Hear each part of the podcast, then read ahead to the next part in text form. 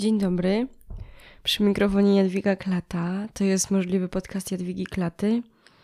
I dzisiaj będzie odcinek o emocjach, o trudnych emocjach i o tym, jak to jest być młodą osobą, która mierzy się z całym głównym tego świata. I też o tym, jak ja doszłam do miejsca, w którym mam, miałam takie poczucie, że się z nim mierzę i co z tym poczuciem można robić, jak nie zatracić się w nim i jak nie dać się temu zniszczyć. No i dzisiaj będą brzydkie słowa. Zaczynamy od gówna i zaraz też powiem o tym, dlaczego dziś tak będzie, że będą wulgaryzmy. Zapraszam.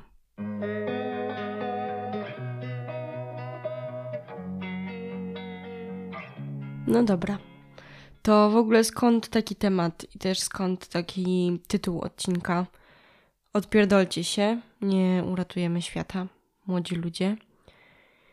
Otóż jest teraz, kiedy to nagrywam, pierwszy dzień listopada i niecałe dwa tygodnie temu miałam swoje wystąpienie na TEDxie.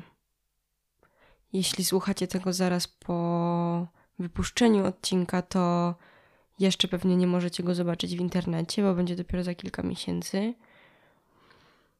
Ale ważne jest, nieważne jest to, czy ją teraz zobaczycie, czy nie. Ważne jest to, że to wystąpienie wiązało się dla mnie z bardzo dużymi emocjami, wiązało się z dużymi przygotowaniami i było też jakimś takim zwieńczeniem i zakończeniem bardzo intensywnego okresu dla mnie pracy, po prostu wystąpień publicznych, działań w ruchu Solidarności Klimatycznej, równocześnie prowadzenia podcastu i startowania podcastu wrzesień i październik w tym roku były dla mnie bardzo, bardzo intensywne.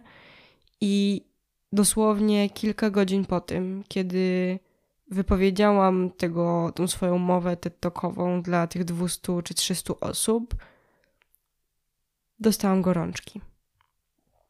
I tak teraz sobie trwa ta moja choroba aż do dzisiaj, więc jeśli słyszycie jakiś zatkany nos albo um, trochę kaszelku czy chrypki, to to właśnie dlatego. Ale to jest ważne dla mnie, ponieważ ja miałam, no dostałam jasny sygnał od ciała, Jadwiga musisz zastopować. To było za dużo. I co ja z tym zrobiłam?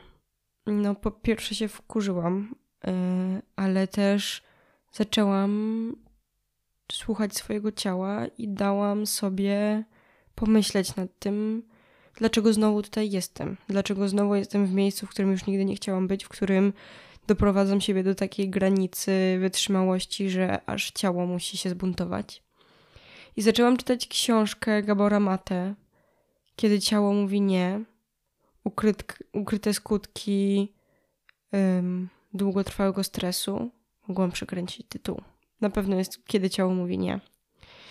No i Gabor pisze tam między innymi o tym, że jedną z rzeczy, która jest wspólna dla osób, które chorują na raka piersi, raka płuc, raka prostaty, jest niekoniecznie to, że palą papierosy, czy że nawet, że się stresują, tylko to, że nie potrafią wyrażać złości. Więc dlatego będą dzisiaj przekleństwa i wulgaryzmy. I dlatego ten odcinek ma taki tytuł, a nie inny, ponieważ ja chcę dzisiaj wyrazić swoją złość i chcę też zachęcić Ciebie do tego, żebyś mógł, mogła to zrobić. To odpierdolcie się od nas, nie uratujemy świata.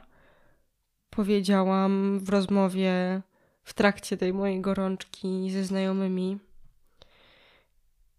mówiliśmy o tym, jak to jest niesprawiedliwe, że my, jako młode osoby, które mają po dwadzieścia parę lat, muszą dojrzeć nad swój wiek teraz i stoją przed takimi wyzwaniami, przed którymi bardzo niewiele pokoleń stało, bo też cały czas mam z tyłu głowy to, że są osoby, które na przykład przeżyły II wojnę światową,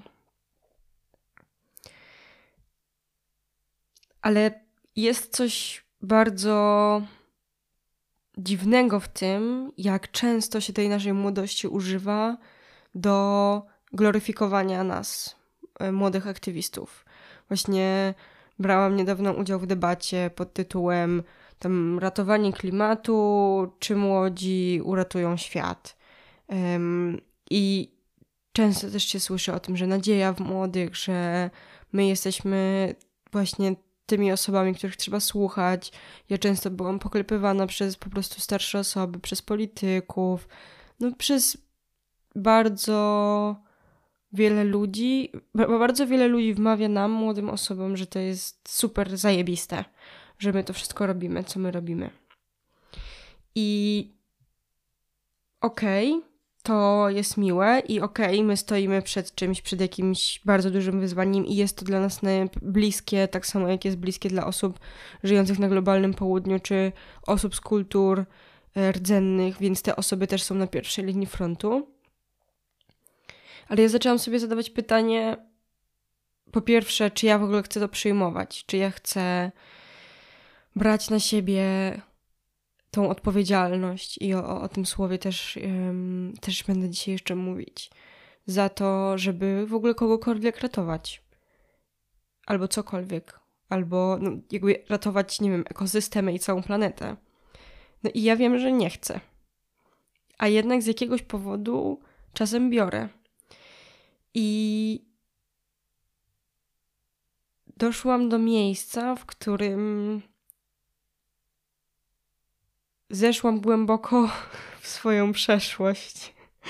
Um, I trochę zainspirowana tym, o czym roz, ostatnio rozmawiałyśmy z Marią Mach, o tym, że wychowanie jest poszukiwaniem, wspólnym poszukiwaniem sensu, to ja zobaczyłam, że dla mnie w, roku 2013-2015, jakoś mniej więcej wtedy, świat po prostu przestał mieć sens. I nie chodzi o to, że miałam wtedy depresję i problemy ze zdrowiem psychicznym, czy o to, że coś się strasznego wydarzyło w moim życiu prywatnym, tylko ja wtedy bardzo mocno zaczęłam się interesować polityką i dowiedziałam się o tym, czym jest kryzys uchodźczy. Dowiedziałam się, że ludzie giną na Morzu Śródziemnym. Dowiedziałam się o obozach, o kolejkach, o ludziach, którzy ryzykują swoje życie i często je tracą w poszukiwaniu po prostu bezpieczeństwa. Potem dowiedziałam się o tym, że wykorzystujemy ludzi w krajach e, globalnego południa. Dowiedziałam się o tym, że po to, żebym ja nosiła jakąś bluzkę albo spodnie, po prostu ludziom zawalają się sufity w Bangladeszu na głowy.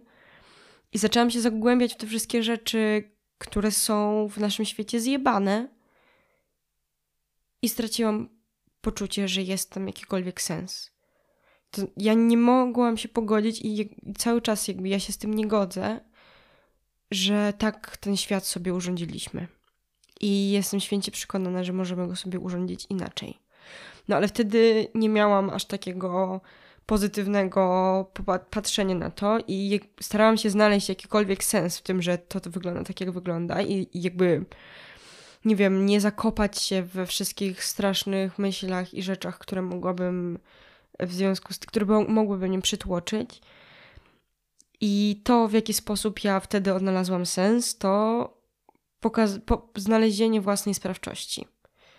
Tylko, że nie takiej zdrowej i takiej, że okej, okay, to teraz ja wybiorę sobie mały kawałek tej rzeczywistości, który mi się nie podoba, na który ja mam bezpośredni wpływ, w którym mogę być skuteczna i zacznę małymi kroczkami działać na rzecz tego, żeby coś zmienić. Nie, nie zrobiłam tak. Pomyślałam, że no ja mam wpływ na to wszystko i jeśli tylko więcej osób się dowie, jeśli tylko więcej osób przekonam, jeśli tylko więcej osób przeczyta, jeśli tylko więcej osób posłucha, jeśli tylko więcej osób dołączy do ruchu. I to tak eskalowało. I to moje poczucie sprawczości cały czas rosło i rosło i rośnie i jest napędzane też tym, że widzę efekty swojej pracy. A równocześnie ja czasem zapominam, że ja nie mam wpływu na wszystko. I że to, że ja napiszę jeszcze jednego maila, nagram jeszcze jeden odcinek podcastu, zadzwonię do jeszcze jednej osoby, zorganizuję jeszcze jedną akcję, założę jeszcze jeden ruch, może absolutnie nic nie zmienić. I ja tą perspektywę tracę. I coś, co mi teraz pomaga w tym, żeby przejść od takiego, okej, okay, to ja teraz muszę zapierdalać, żeby ten świat miał jakikolwiek sens i muszę zapierdalać, żeby zrobić coś dobrego, bo jest tak bardzo chujowo. I coś, to, coś, co mi pomaga z tego wyjść, to jest rozróżnienie odpowiedzialności od troski. Ja napisałam o tym jakiś czas temu tekst do Shine'u, który podlinkuję Wam w opisie tego odcinka, ale krótko też o tym powiem. Chodzi o to, że jeśli tyle rzeczy jest w tym świecie popsutych, to ja nie mogę brać za to wszystko odpowiedzialności. I nie mam za to wszystko odpowiedzialności. Mało tego, za bardzo wiele rzeczy, za bardzo mało rzeczy mogę wziąć odpowiedzialność. Ale ja mogę się o to wszystko troszczyć, bo to wszystko mnie dotyka. Dotykają mnie ludzie umierający na globalnym południu w fabrykach, dotykają mnie y, ludzie z plemienia Uruełałał, którzy są y, zażynani po prostu po to, żeby powiększyć plantacje w Amazonii. Dotykają mnie moi znajomi w Kenii, którzy nie mają wody w studniach po prostu od jakiegoś, od czasu do czasu. Dotyka mnie niesprawiedliwość w Polsce, dotyka mnie to, że ludzie tej zimy mogą umierać po prostu z zimna, bo nie będą mieli jak ogrzeć swoich domów.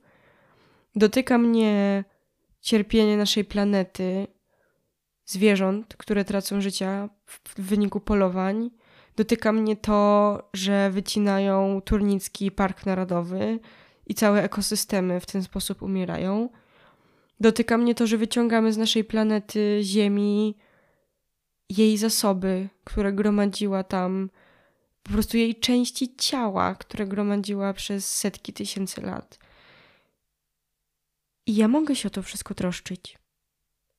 I mogę mieć to wszystko w swojej głowie, tak samo jak mogę się troszczyć o bezdomne zwierzęta, o uchodźców na granicy polsko-białoruskiej albo uchodźców na granicy Unii Europejskiej. Ale to, że ja się troszczę, to nie oznacza, że ja muszę coś z tym zrobić. Ja mogę się troszczyć i mogę mieć tą perspektywę i absolutnie nic z tym nie robić. I to jest ok. I to jest troska, a nie odpowiedzialność. To, że nie podejmuję działań w jakimś kierunku, nie oznacza, że jest on mi obojętny. A wręcz sprawia, że mogę być bardziej skuteczna i bardziej wpływać na świat i tworzyć większe zmarszczki wpływu i takie właśnie fale wpływu, działając w tych obszarach, które są mi najbliższe albo są naj, najważniejsze dla mnie, albo te, na które mam odpowiedzialność i mam bezpośredni wpływ. I teraz chciałabym przeczytać Wam też po prostu kilka ostatnich zdań z tego tekstu, który napisałam do Shine'u, bo ym, no chcę je się z nimi, podzieli, nimi podzielić z Wami. Odpowiedzialna mogę być za kilka istot. Troską mogę objąć wszystkie żyjące na tej planecie. Odpowiedzialność szybko powoduje przytłoczenie. Troska napędza i niesie mnie dalej. Odpowiedzialność wywołuje poczucie winy i porażki. Troska pozwala odpuszczać i dbać o siebie. W odpowiedzialności jestem samotna. W trosce jestem z innymi. Nie chcę ratować świata. Chcę troszczyć się o niego. Chcę dbać o życie na ziemi, także o swoje. No więc wracam do tego dzisiaj. Po prawie dwóch tygodniach choroby i daję sobie też przestrzeń na złość. Dużo mówiłam w tym podcaście już o żałobie, między innymi w odcinku o nadziei i też w odcinku o marzeniach. A dzisiaj chcę wprowadzić też tą perspektywę złości i tego, że poza smutkiem i płaczem i pożegnaniem się z tym światem, ja jestem też wkurwiona. Jestem wkurwiona na to, co robimy temu światu jako gatunek ludzki. Jestem wkurwiona na to, co robimy sobie nawzajem jako ludzie. Jestem wkurwiona na to, w jakim systemie żyję i na to, jak jesteśmy wychowywani i programowani, i socjalizowani jako ludzie, żeby więcej, żeby szybciej, żeby głośniej, żeby z większą skutecznością. Jestem wkurwiona na to, że musimy, nie musimy, ale większość ludzi jest zmuszona do tego, żeby pracować przez 8 godzin i oddawać, i sprzedawać swój czas, i oddawać swoje życie po to, żeby w ogóle móc sobie, nie wiem, pozwolić na, na jedzenie i na bezpieczeństwo i na dach nad głową. I że przez to też mm, ja po prostu mam poczucie, że mamy związane ręce, jeśli chodzi o zmianę społeczną.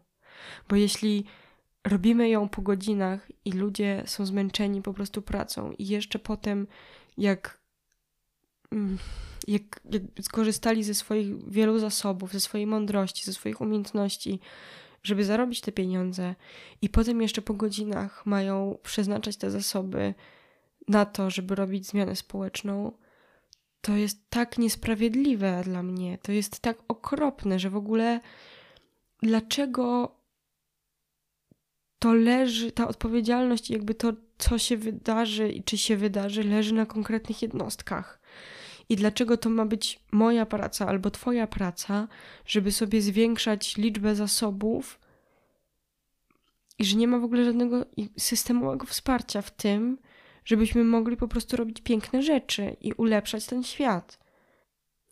Jakoś bardzo ostatnio byłam z tym, że, że to jest trudne robić, starać się tworzyć masowy ruch w Polsce, co, co robię i nad, nad czym pracuję codziennie, wiedząc, że ta masowość jakby musi być wkomponowana w system tego, że ludzie są przeciążeni tak czy siak. Że ludzie są przeciążeni pracą, że ludzie są przeciążeni kredytami, kryzysem gospodarczym, kryzysem grzewczym. Kurczę, jak możemy robić zmianę, jeśli my nie mamy siły? Bardzo dużo pisze też o tym Gabor Mate. Nie w swojej książce tej o, Kiedy ciało mówi nie, tylko The Myth of Normal.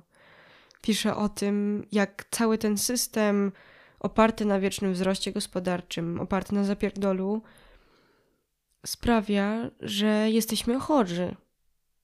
Że jesteśmy chorzy psychicznie i fizycznie, że te, te dwie strefy też się łączą ze sobą, prawda? I ja jestem po prostu zła, że w czymś takim musimy żyć, a potem jestem zła na to, że ja, starając się wychodzić jak najbardziej mogę z tego systemu, nie, nie studiując, nie zarabiając pieniędzy tak na stałe na etacie, tylko starając się zawsze iść według tego, mm, według takiej mojej zasady, którą sobie postawiłam i którą chcę utożsamiać, że nie chcę robić nic, za pieniądze, czego nie zrobiłabym bez tych pieniędzy. Jakie to jest trudne. Jestem wkurwiona na to, że po prostu ja teraz mam czasem poczucie, że jakby muszę jak, jako jeden trybik starać się iść inaczej niż cała ta maszyna. I widzę też inne trybiki, które starają się robić to, to, co ja też ze mną, i widzę, jak to jest cholernie trudne i jak bardzo my nie mamy na to siły.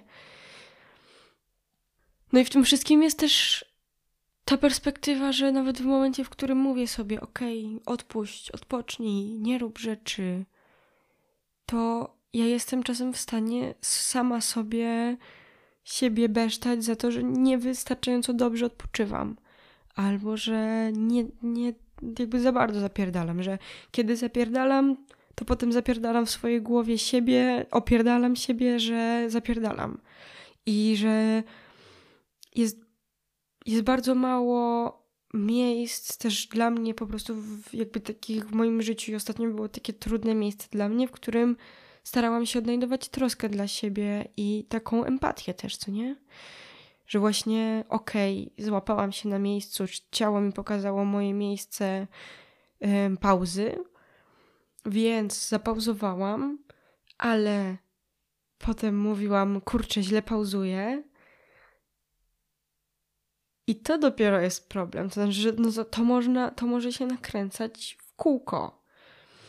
I dlatego też nagrywam ten odcinek, i dlatego też o tym mówię, i mówię o tej złości, i o tym w kurwie, i o tym, że ja, i, że ja w tym momencie mówię po prostu, że jestem na nie. Jestem przeciwko kapitalizmowi, wiecznemu wzrostowi, zapierdolowi, przeciwko braniu na siebie grzechów tego świata, przeciwko temu, że młodzi ludzie mają robić tylko zmianę społeczną, przeciwko pracy na etat. Jestem jakby. I ja sobie bardzo rzadko pozwalam na mówienie, jestem przeciwko temu, wypierdalać mi z tym, dlatego że cały czas jestem w paradygmacie bycia odpowiedzialną osobą i konstruktywną osobą i pokazywania wizji. No, ten podcast jest cały o pokazywaniu wizji, pokazywaniu marzenia, pokazywaniu tego, że są odpowiedzi. I ja sobie postawiłam już, nie wiem, ponad rok temu właśnie taki, takie, no takie postanowienie sobie zrobiłam, że okej, okay, chcę te pozytywne rzeczy pokazywać, promować i jakby nie tylko nie krytykować i nie opierać się cały czas na krytyce i na tym, co jest nie tak, bo w ten sposób jakby nie zmienimy świata, jeśli tylko będziemy mówili, co jest z nim chujowe. I dzisiaj jest ten moment, w którym mówię, nie, ja teraz mogę po prostu przyjść, tupnąć nogą, walnąć w stół i powiedzieć: Nie, są rzeczy, które są chujowe i teraz nie będę wam dawać na nie odpowiedzi. Po prostu to jest złe i tyle. Jestem wkurwiona na to, że tak jest. Więc daję sobie tutaj przestrzeń na bycie niekonstruktywną Jadwigą. I jest to dla mnie trudne. Ale jest. I ja potrzebuję tego. I być może ty też tego potrzebujesz. Dla mnie to jest po prostu proces odpierdalania się od siebie.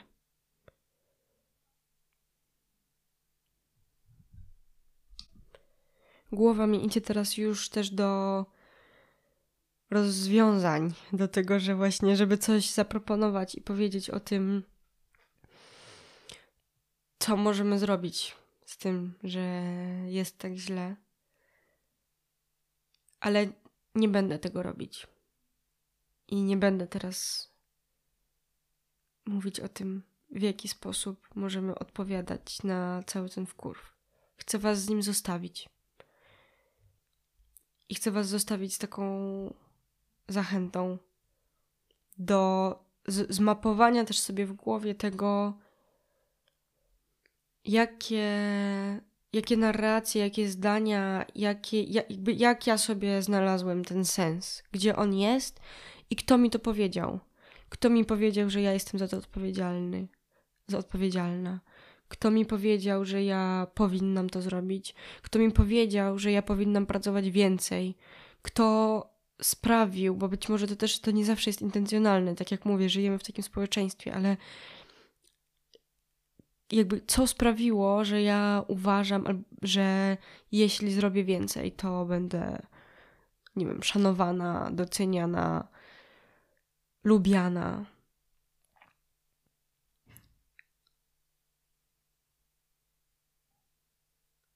To może być trudne ćwiczenie, bo ono jest trochę o dokonstruowaniu własnych myśli i też o tym, żeby zakwestionować to, co się robiło mm, przez jakiś czas. I ja mam z tym, z tym też trudności, bo zawsze mi się wydaje, że powinnam e, nie wiem, być przykładem i, i teraz właśnie przedstawiać te odpowiedzi i pokazywać, jak mogłoby być.